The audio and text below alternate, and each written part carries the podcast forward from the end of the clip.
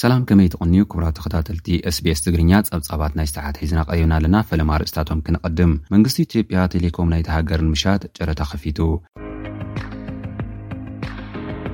ኣሜሪካ ንኤርትራ ሓዊስካ ንኹሎም ነታ ስምምዕ ሰላም ዝዕንቅፉ ስጉምቲ ከም ትወስድ ኣፍሊጣ ሚኒስትሪ ኮሙኒኬሽን ኢትዮጵያ ለገሰ ቱሉ ካብ ሰራዊት ኢትዮጵያ ወፃኢ ዘለዉ ሓይልታት ኣብ ትግራይ ክፀንሑ ከምዝኽእሉ ሓቢሮም። ናብ ትግራይ ውሱን ሰብኣዊ ረድኤት ምእታው ከምዝጀመረ ትካላት ሰብኣዊ ረድኤት ሓቢረን ዝብሉ ፀብፃባት ናይዚ ሰዓት እዮም። ናብ ዝርዝራቶም ክንሰግር። መንግስቲ ኢትዮጵያ ኣርብዓ ሚእታዊት ብፅሒት ኢትዮ ቴሌኮም ንምሻጥ ዓለም ለኻዊ ጨረታ ከፊቱ። ኢትዮጵያ ንኢትዮ ቴሌኮም ሓዊሱ ካልኦት ትካላት ልምዓት መንግስቲ ንምሻጥ ዝወሰነት ብቐንዱ ዘለዋ ብዙሕ ዕዳ ንምኽፋል ከምዝኾነ ብተወሳኺ ከዓ ተበፃሕነት ቴሌኮም ንውሳኽን ኣገልግሎት ንምቅልጣፍን ከምዝኾነ እዩ ዝንገር። ብምዃኑ ድማ እቲ ካብ ትማል ክፉት ዝኾነ ጨረታ ሳልሳይ ቴሌኮም ፕራይቬታይዜሽን ዝብል ስም ዝተውሃቦ ኮይኑ ዓለም ለኻውያን ትካላት ቴሌኮም ክሳተፍሉ መፀዋዕታ ቀሪብሎ። ሚኒስትር ገንዘብ ኣይተ ኣሕመድ ሸዴን ሚኒስትር ዴኤታ እዮብ ተካልኝን ኢትዮ ቴሌኮም ብኽፋል ናብ ዘፈር ውልቀ ኣብ ዝዛወረሉ ጉዳይ ኣድሂቦም መግለፂ ሂቦም ኣለው። ኣብ መግለፂኦም ድማ ኣብቲ ዓውዲ ዝሳተፉ ዓለም ለኻውያን ኩባኒታት ንምፍላይ ካብ ትማሊ ጀሚሩ ጨረታ ክፉት ከምዝኾነ ገሊፆም። ኣርብዓ ሚእታዊት ብፅሒት ኢትዮ ቴሌኮም ናብ ዘፈር ውልቀ ንምዝዋርን ኣብ ሳልሳይ ኣገልግሎት ቴሌኮሚኒኬሽን ዝዋፈሩ ትካላት ፍቓድ ንምሃብን ጨረታ ከምዝወፀ እውን ኣረዲኦም። ኣብዚ ሕዚ እዋን ናብ ስራሕ ዝርከቡ ኢትዮ ቴሌኮምን ሳፋሪኮምን ዝፅምብር ዓለም ለኻዊ ቴሌኮም ክሳብ ሸውዓተ ታሕሳስ ክልተ ሽሕን ዓሰርተ ሓሙሽተን ዓመተ ምህረት ከም ዝጸንሕ'ዩ ተገሊጹ ዘሎ። እዚ፣ መሸጣ ቴሌኮም ኢትዮጵያ ንዘለዋ ዕዳ ንምቅላል ከም ዝኾነ እዩ ዝግለጽ ዘሎ። ቅድሚ ክልተ ሽሕን ዓሰርተን ዓመተ ምህረት ብድምር ከባቢ ዕስራን ሸሞንተን ቢልዮን ዶላር ዝነበረ ዕዳ ኢትዮጵያ፣ ኣብ ውሽጢ ኣርባዕተ ዓመታት ጥራሕ ናብ ሓምሳን ሽዱሽተን ነጥቢ ሽዱሽተ ቢልዮን ዶላር ምዕባዩ ኣዝዩ ሓደገኛ ምዃኑ ሰብ ሞያ ቁጠባ ከጠንቅቑ ጸኒሖም እዮም። ብሰንኪ ዝኸበድ ዘሎ ሚዛን ዕዳ ኢትዮጵያ፣ ዕዳጋ ናይታ ሃገር ናብ ቅልውላው ከም ዝወደቐ ዝግለጽ ዘሎ ኮይኑ፣ ዓሚ ኣብ ዝነበረ በጀት ዓመት ክልተ ሽሕን ዓሰርተ ኣርባዕተን ዓመተ ምህረት ግእዝ ጥራሕ ሓደ ነጥቢ ሸውዓተ ቢልዮን ዶላር ዕዳ ክትከፍል ምግዳዳ እዩ ዝግለጽ። ሎሚ ዘበን ንክልተ ሽሕን ዓሰርተ ሓሙሽተን ዓመተ ምህረት ግእዝ በጀት ዓመት ድማ ካብቲ ዝጸደቐ በጀት መብዛሕትኡ መኽፈሊ ዕዳ ከም ዝኸውን እዩ ዝንገር።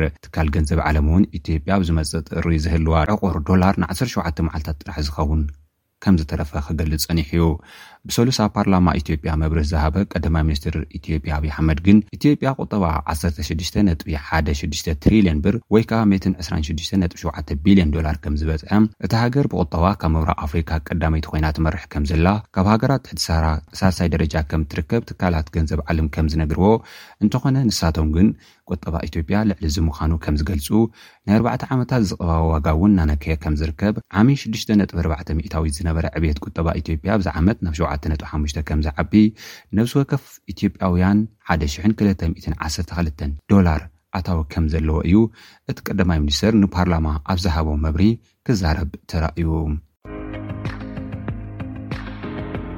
ኣሜሪካ ኣብ ልዕሊ እቲ ስምምዕ ሰላም ዝዕንቅፉ ኣካላት ማዕቐብ ከም እተንብር ኣፍሊጣ።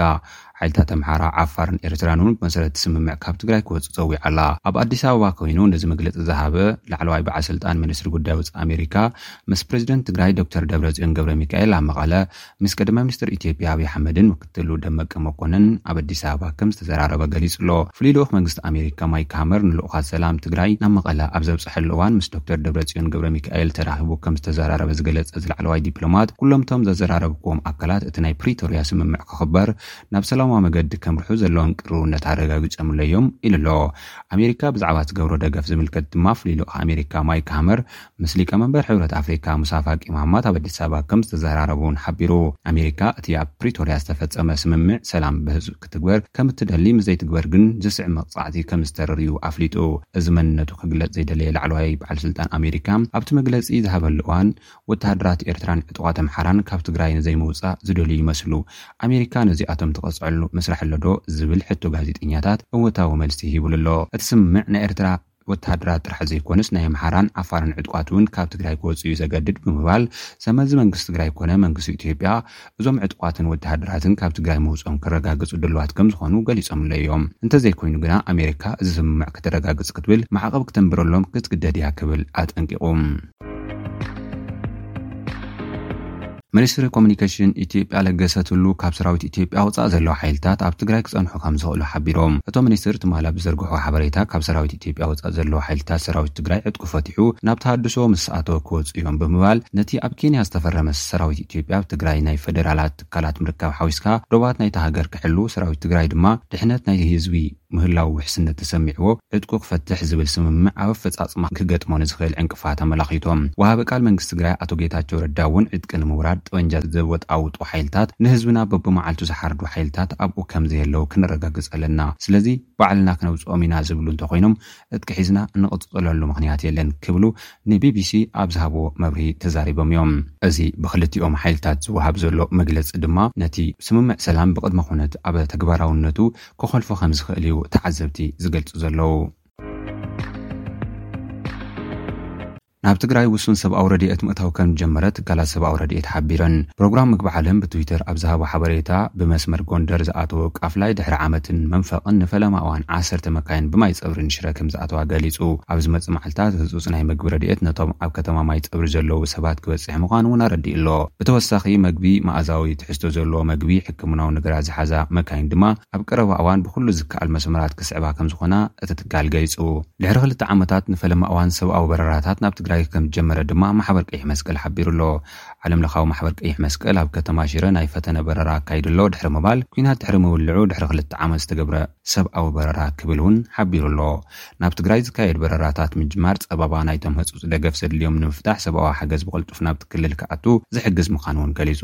ዝበዝሕ ክፋላ ብኲናት ዝዓነወ ትግራይ ውግእ ኣብ መወዳእታ ወርሒ ነሓሰ ድሕሪ ምጅማሩ ኣብ ትሕቲ ምሉእ ዕፅዋ ከምዘላን ዝኾነ ሰብኣዊ ረድኤት ከምዘይበፅሐን ክንገር ከምዝፀንሐ ዝፍለጥ እዩ። ትካላት ረድኤት ኣስታት ሽዱሽተ ሚሊየን ህዝቢ ህፁፅ ምግብን መድሓኒትን ዝርከቦ ሰብኣዊ ሓገዝ ብህፁፅ ክበፅሖ ክሓቱ ክኣቱ ከም ዝጸንሑ ዝፍለጥ እዩ። ብመሰረት ዓንቀጽ ሓሙሽተ ውዕል ፕሪቶርያ፣ ተዋጋእቲ ወገናት ዘይተገደበ ሰብኣዊ ሓገዝ ንምሃብ ምትሕብባር ከምኡ'ውን ንኹሉ ዝቐርብ ሰብኣዊ ሓገዛት ብኣፍልጦን ምክትታልን መንግስቲ ክኸውን ዝብል ኮይኑ ከም ዝተፈረመ ዝፍለጥ ኮይኑ እቲ ኣብ ናይሮቢ ዝተፈረመ ኣዋጅ ድማ ሰራሕተኛታትን ትካል ሰብኣዊ ረድኤትን ብዝሓትዎ መሰረት ውሕስነት ድሕነት ክወሃቦም ዝብል እዩ። ስምምዕ ካብ ዝፍረም ዓሰርተ መዓልታት ደንጒዩ ድማ ናብ ተግባር ከምዝኣተወ ይግለጽ ኣሎ።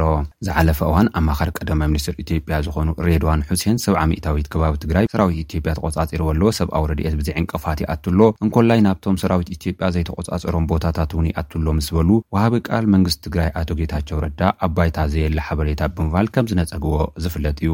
ሕጂ ሰብኣዊ ረድኤት ብውስን መልክዑ ናብ ትግራይ ክኣቱ ከምዝጀመረ እዩ ትካላት ረድኤት ዝገልፃ ዘለዋ። ክቡራት ተኸታተልቲ ኤስቤስ ትግርኛ ነዚ ሰዓት ተዳለወ ዜና እዚ ይመስል ኣብ ቀጻሊ ብካልእ ትሕዝቶ ክንራኸብ ኢና ክሳብ ሽዑ ሰሰናየ ንምነየልኩም